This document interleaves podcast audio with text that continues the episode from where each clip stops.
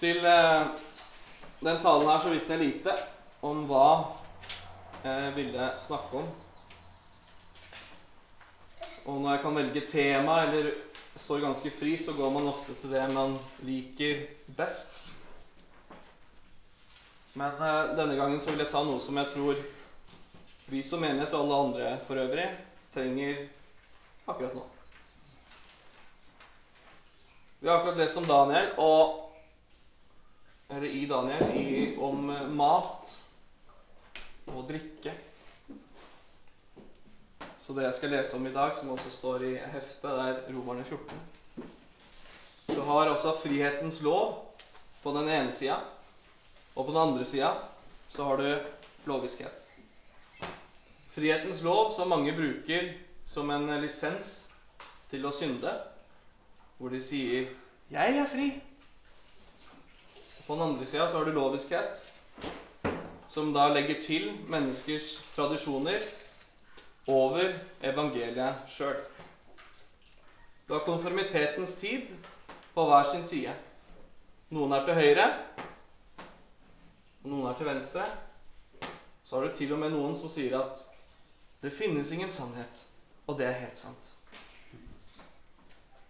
Emnet valgte jeg fordi nå som vi har blitt bedre kjent, så, så har jeg lagt merke til mye forskjeller blant oss søsken. Jeg tar ikke noen stilling til om det er rett eller om det er galt. Men jeg konstaterer at det er forskjeller mellom oss. Og I en oppstartsfase så tenker jeg at det temaet kunne ikke passa bedre til å bli introdusert nå. For vi har alle områder som vi trenger å helliggjøres på. Jeg sjøl er veldig klar over mine feil og mine synder. Sannsynligvis har du også sjøl en viss innsikt på hvor du trenger helliggjørelse. Og på, men også en måte du kan skjelne mellom orda feil og synd. Med tanke på Romerne 14 så er dette evne den sterke og den svake. Før vi går eh, inn i eh, Romerne 14, så vil jeg be.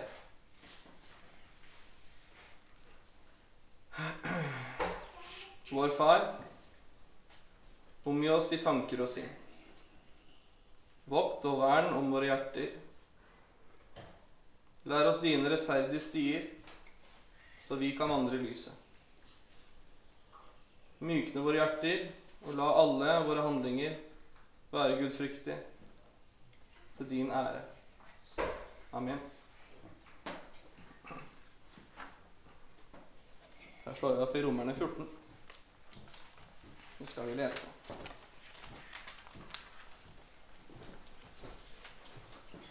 Romerne 14 er ikke så veldig lang, så jeg leser hele.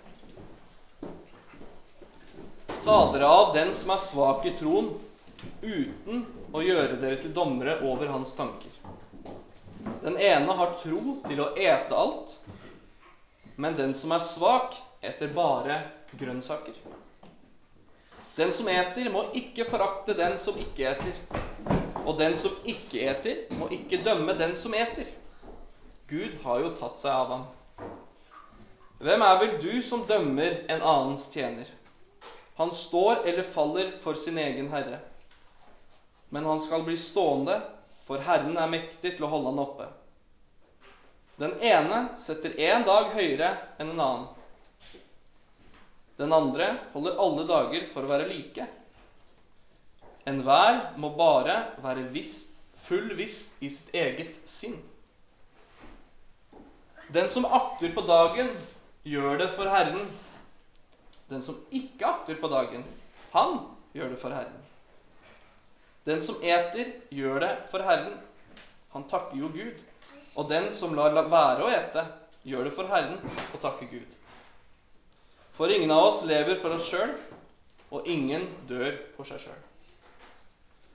For om vi lever, så lever vi for Herren, og om vi dør, så dør vi for Herren. Enten vi da lever eller dør, så hører vi Herren til. Derfor døde jo Kristus og ble levende igjen. For at han skulle være herre over både levende og døde.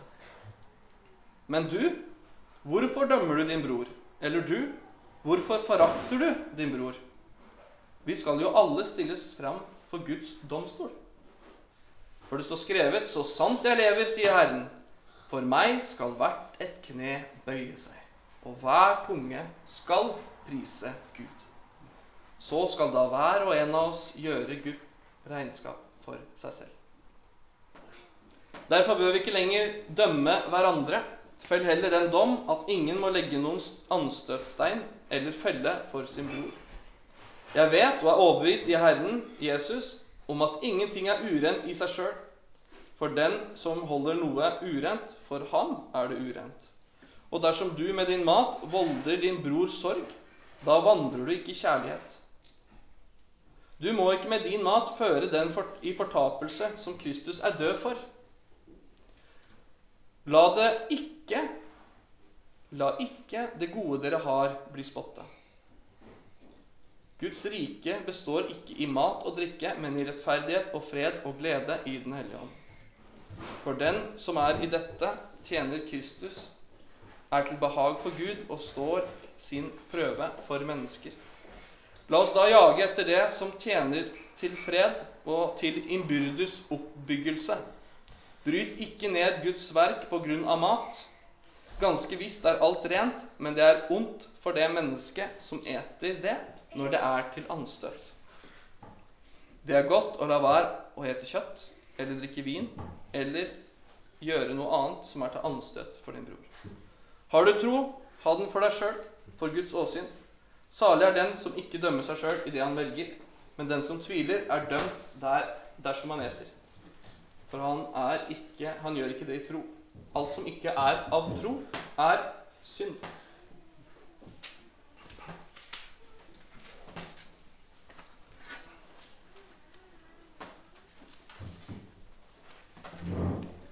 Så i denne talen vil jeg påpeke en byrde som vi alle har en tendens til å gjøre.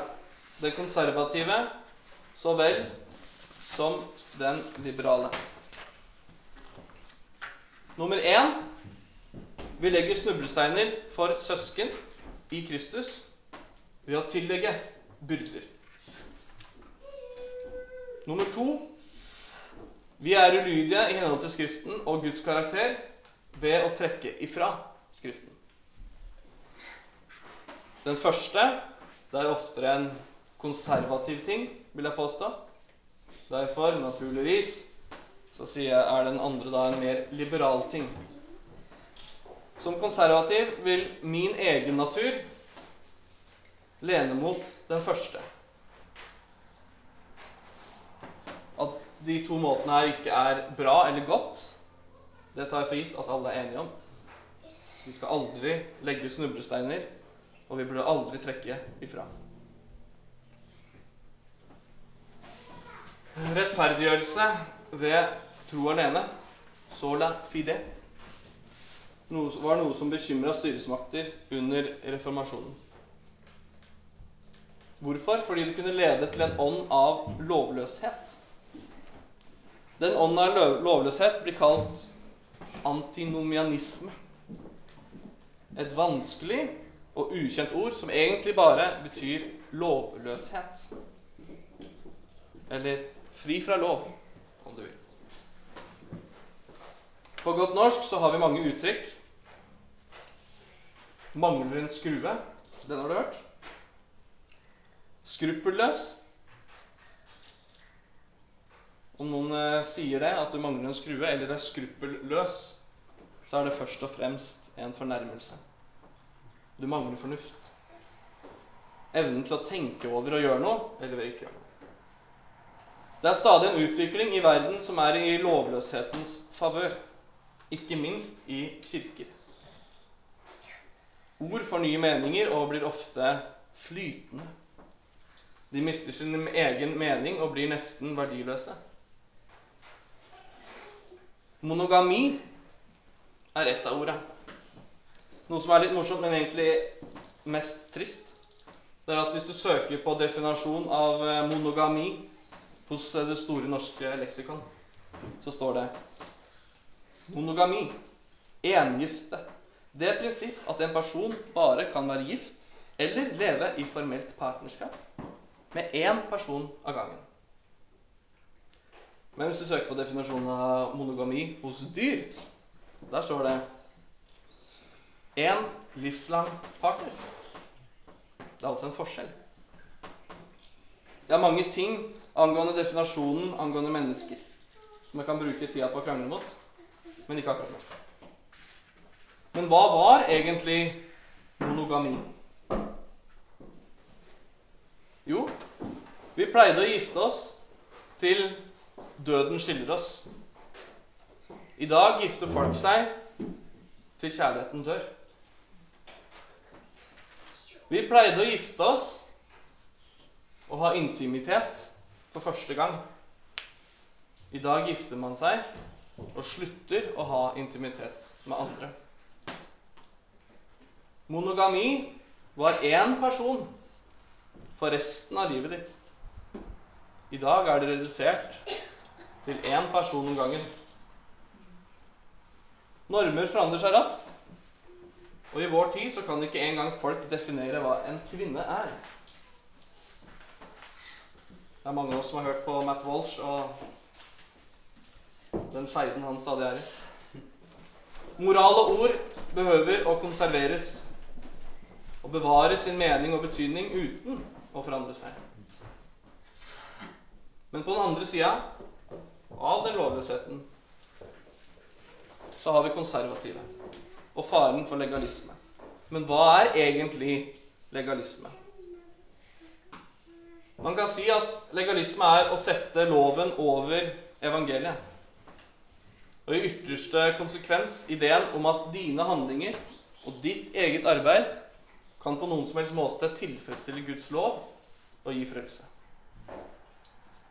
Nå er ikke konservativ det samme som legalisme, men de er ganske tilbøyelige for hverandre. De er nært beslekta.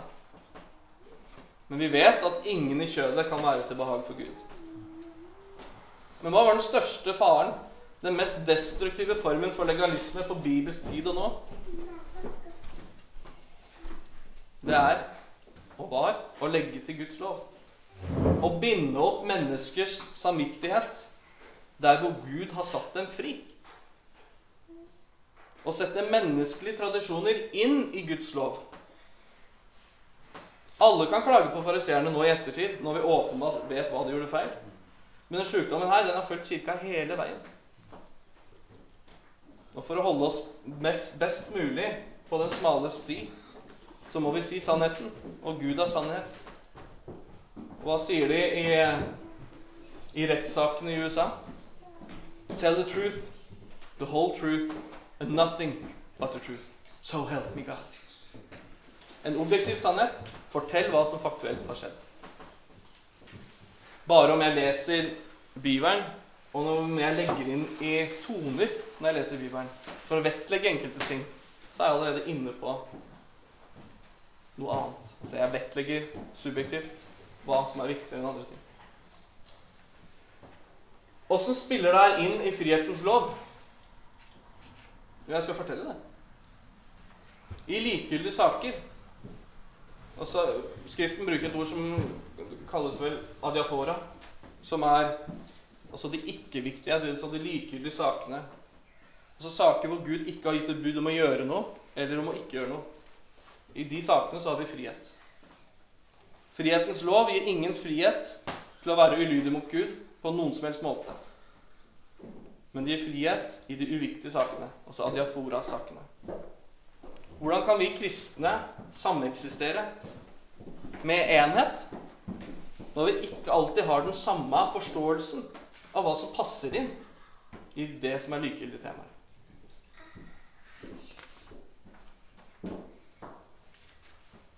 Hvor starter og hvor slutter vår kristne frihet? Det er et evig problem i kirka. I Romerne 14 så sier Paulus at du har kristne som spiser kjøtt. Og du har kristne som ikke spiser kjøtt. Dere imellom må ikke nødvendigvis være enige. Men Paulus er likevel tydelig her på at det er den svakere kristne som er følsom på det evnet her. et evne som Gud ikke har gitt spesifikke bud om.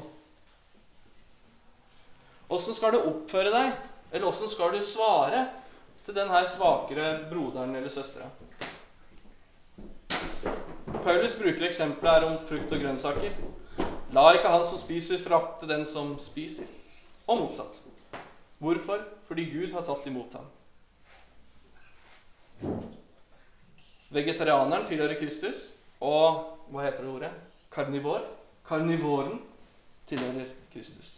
Begge tilhører Kristus. Vær forsiktig med dommen du gir.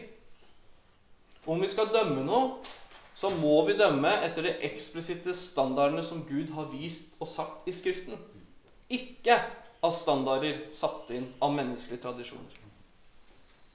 Det er kanskje ikke like ille i dag som det var for få tiår tilbake. Men samtlige evangeliske var, var sterkt prega av, av, en ånd med legalisme som forbød alt mulig rart. Det var folk i min egen familie, f.eks., og jeg kom ikke fra noen kristen familie i det hele tatt. Men jeg hadde jo besteforeldre osv. Folk i min egen familie de sa kristne kan ikke spille kort. Kristen kan ikke høre på musikk. Det var djevelens spill djevelens lyd. Du kunne ikke drikke noe alkohol. Du kunne slettes ikke røyke. Du kunne i hvert fall ikke danse, og ikke gå på kino. Om dagens streamingtjenester hadde eksistert den gangen, så kan du tenke deg sjøl Det hadde helt sikkert vært forbudt. Abonnerte du på Viaplay, så da var du i faresonen. Netflix uh, Nå er det virkelig faresonen. Disney, du er ferdig. Da hadde du vært djevelens barn. Om du på noen som helst måte var et avvik av den konformiteten, eller deltok i noen som helst tabuer, så satte de spørsmålstegn ved hele din frelse. Deler av det her, eller deler av denne legalismen, den lever fortsatt i dag. Enkelte ting vi er oppvokst med, er det vanskelig å skjelne ord. Altså, jeg har hørt kristne sitte ute på middag eller deltatt i sosiale arrangementer osv. Hvor du blir møtt av enten en servitør eller andre folk der som kommer bort. Så sier de 'Jaså, drikker du ikke det?' Eller 'Skal du ikke ha noe å drikke til maten?' Så har jeg hørt de kristne svare 'Nei, du skjønner, vi, vi er kristne'. Som implisitt da betyr 'kristne drikker ikke'. Er det sant? Er det det som er evangeliet? De eksplisitte standardene vi snakka om? Består evangeliet av mat og drikke? Er smak av alkohol en bibelsk standard? En målestokk som viser oss om vi kvalifiserer til frelse? Hva med tobakk? Det er løgn. Det finnes frelste mennesker som drikker. Og bare sier at jeg sjøl er avholds. Så jeg føler meg veldig senter på det her. Jeg skal ikke utlegge andre, men det er ingen eksplisitt standard. Det fins frelste mennesker som drikker. Du begår en synd når det prøver å påpekes andres synd, som slettes ikke er en synd. Du skal ikke kalle synd det Gud ikke kaller synd. Igjen, det Skriften kaller adiafora, det er likegyldig. Altså Her er dilemmaet. Om jeg er oppvokst i et kristent miljø som er konservative, som igjen har en tendens til å legge til Skriften Dette miljøet forteller meg at det er en synd for en kristen å dra på kino. Derfor tror jeg at det er en synd å dra på kino så drar jeg på kino. Har jeg da synda? Ja. Ikke fordi handlingen og det jeg gjør, i seg sjøl er syndig. Men det som er syndig, er å gjøre noe du antar er syndig. Det som gir deg styrken i negativt fortegn til å gjøre det, det er synd. Fordi du, du synder mot din egen samvittighet. Ha dette i mente, altså i hodet, oppi skrupla, når vi prøver å komme overens med hverandre fra alle mulige tradisjoner og bakgrunner. Vær forsiktig i dommen din. Avi Torshey sa, oversatt av meg fra, til norsk En fariseer er hard mot andre og ømfintlig mot seg sjøl. En åndelig mann er ømfintlig med andre og hard mot seg sjøl. Tenk på korinterne på kjøttet som var ofra til avguder. Korinterne hadde type seremonier hvor de ofra kjøtt til avguder. Og etter seremonien var ferdig, så tok de kjøttet ned til markedet. Og så solgte det som kjøtt. Hva tror du de første kristne tenkte? Eller ville de spise det? Kristne skydde det som pesten, stort sett. De ville ikke ha noe drama eller noen som helst assosiasjoner med avgudsdyrkelsen og sa 'Jeg kommer ikke til å kjøpe det'. Det er urent. Åssen ser Paulus på det? Det er kjøtt. Det er ikke noe gærent med kjøttet. Det handler om noe som heter, eller kalles Jeg vet ikke helt hva det heter på norsk. Men for å oversette det til norsk primær- og sekundærseparasjon. Altså du, du skal ikke ofre til avgudene. Du skal separere deg fra det. Du skal løpe fra det. Men kjøtt i seg sjøl, det er bare kjøtt. Jeg skal ikke legge ut separasjonsargumenter her nå. Men du være, skal du være konsekvent i den måten å tenke på, så måtte du ha gått ut av verden. For på et eller annet vis så har det med folk å gjøre rundt deg som synder hele tida, inkludert deg sjøl. Personlig hadde jeg nok ikke klart å kjøpe kjøttet. Det kan være min natur som lener mot det første, men min egen samvittighet hadde dømt meg. Men jeg må være veldig forsiktig hvis jeg skal dømme andre på det. Jeg har hørt om kirker som skriver en form for kontrakt med medlemmer, og som ekstrakontrakter med eldste og ansatte i kirka. Og Der står det at de må avstå totalt fra alt som har med alkoholdig drikke å gjøre som da inkluderer vin. Om de bryter det her løftet, den kontrakta, så blir de utkasta, ekskludert fra menigheten. Paulus vil ifølge den kirkens standard bli utkasta. Og ja, det samme hadde skjedd med Jesus sjøl. Så Jesus og Paulus hadde blitt kasta ut av den dagens kirkestandard. Du ser for meg Paulus og Peter når Peter har eh, vingla litt på om han husker det, han skal spise med fariseerne. Altså, han spiser med jødene. Han spiser ikke med jødene, med hedningene. Paulus står og venter på ham. Han hadde noe å utsette på Han sto og venta på ham. Og det er ikke sånn derre Hei, kompis, kom hit. Han står med armene kors, kan jeg se for meg, eller armene på hofta. Han står og venter på ham. Han skulle ta det opp. Han hadde en hyklete oppførsel. Han ble satt på plass. Altså, dette her var situasjoner mellom to giganter i kirka. To giganter som Gud brukte. Og konfrontasjonen har vi nedskrevet i Den hellige skrift, så alle får lese det til enhver tid. Det er ganske interessant. Det er store teologiske ting som skjer mellom dem. Vi må ikke korsfeste Jesus på nytt. Altså Omskjærelsens betydning og loven ble fullendt ved korsfestelsen. En gang for alle. Du mener vel ikke sjøl at Jesus sitt offer ikke var nok? Og ser du, Nå er det ikke nødvendigvis bare en triviell lov om kristen frihet. Når du stadig tillegger, så nærmer du deg evangeliet sjøl.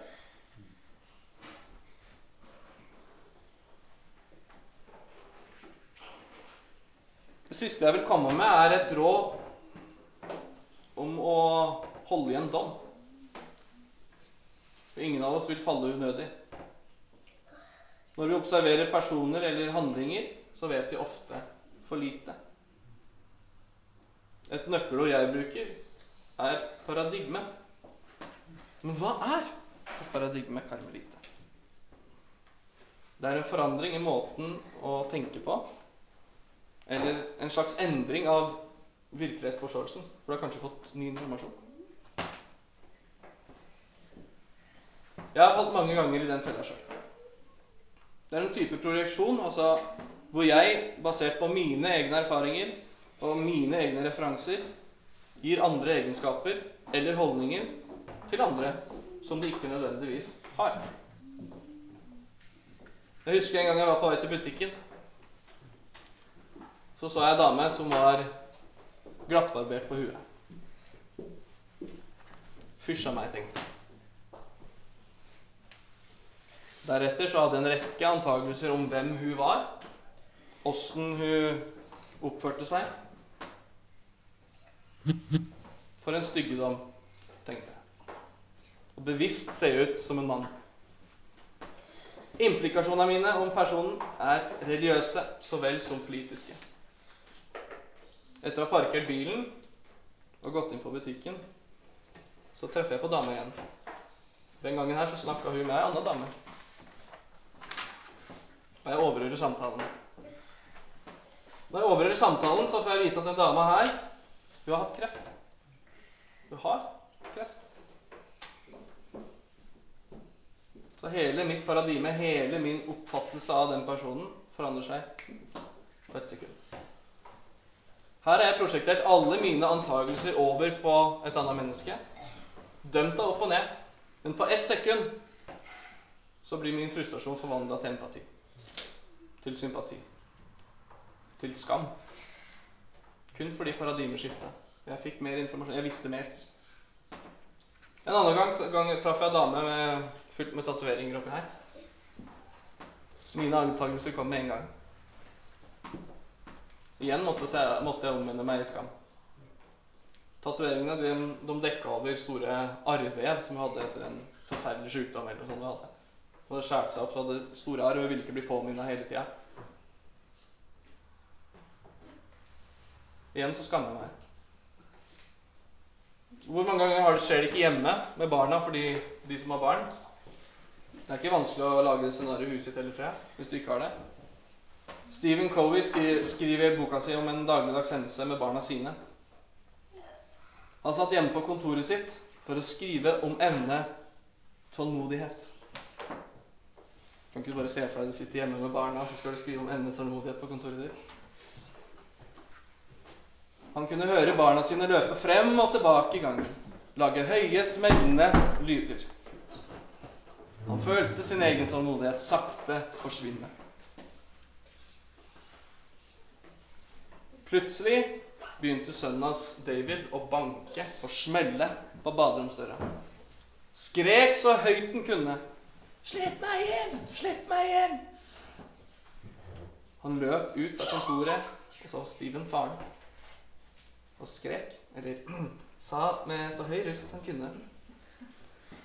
'David!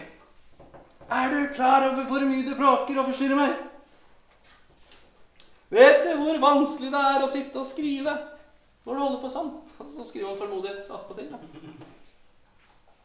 Gå på rommet ditt med en eneste gang. Og bli der inntil du kan oppføre deg normalt. Så gikk han til kontoret sitt igjen. Når han gikk til kontoret sitt igjen, så så han at de hadde spilt amerikansk fotball. eller sånt.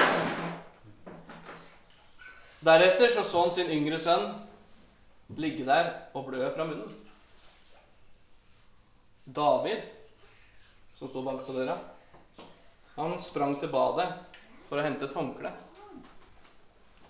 til lillebroren sin for å hjelpe. Men søstera hans, Maria, som var på badet, hun ville ikke åpne døra. Med en gang så innså Steven at han hadde misforstått hele situasjonen. Og hele hans paradigme, hele hans forståelse og virkelighet av det som faktisk hadde skjedd, forandra seg. David var den som hjalp til. Han var den som fikk kjeft. Umiddelbart så måtte Steven be om tilgivelse. Jeg tror alle foreldre kjenner seg igjen i, i lignende situasjoner. Og vi mennesker, når vi føler, så gjør vi. I sum La oss sammen modnes og være tålmodige med hverandre. Da Herren sjøl er tålmodig med oss. La oss være utholdende og sene til dom. Ikke prosjekter alltid dine egne antakelser over på andre. Og viktigst, som summerer opp det vi har snakka om ikke bind mennesker der Gud har satt dem fri. Samtidig ikke bruk den kristne frihet til ansvett.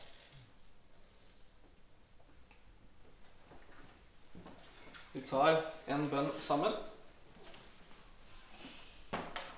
før vi avslutter.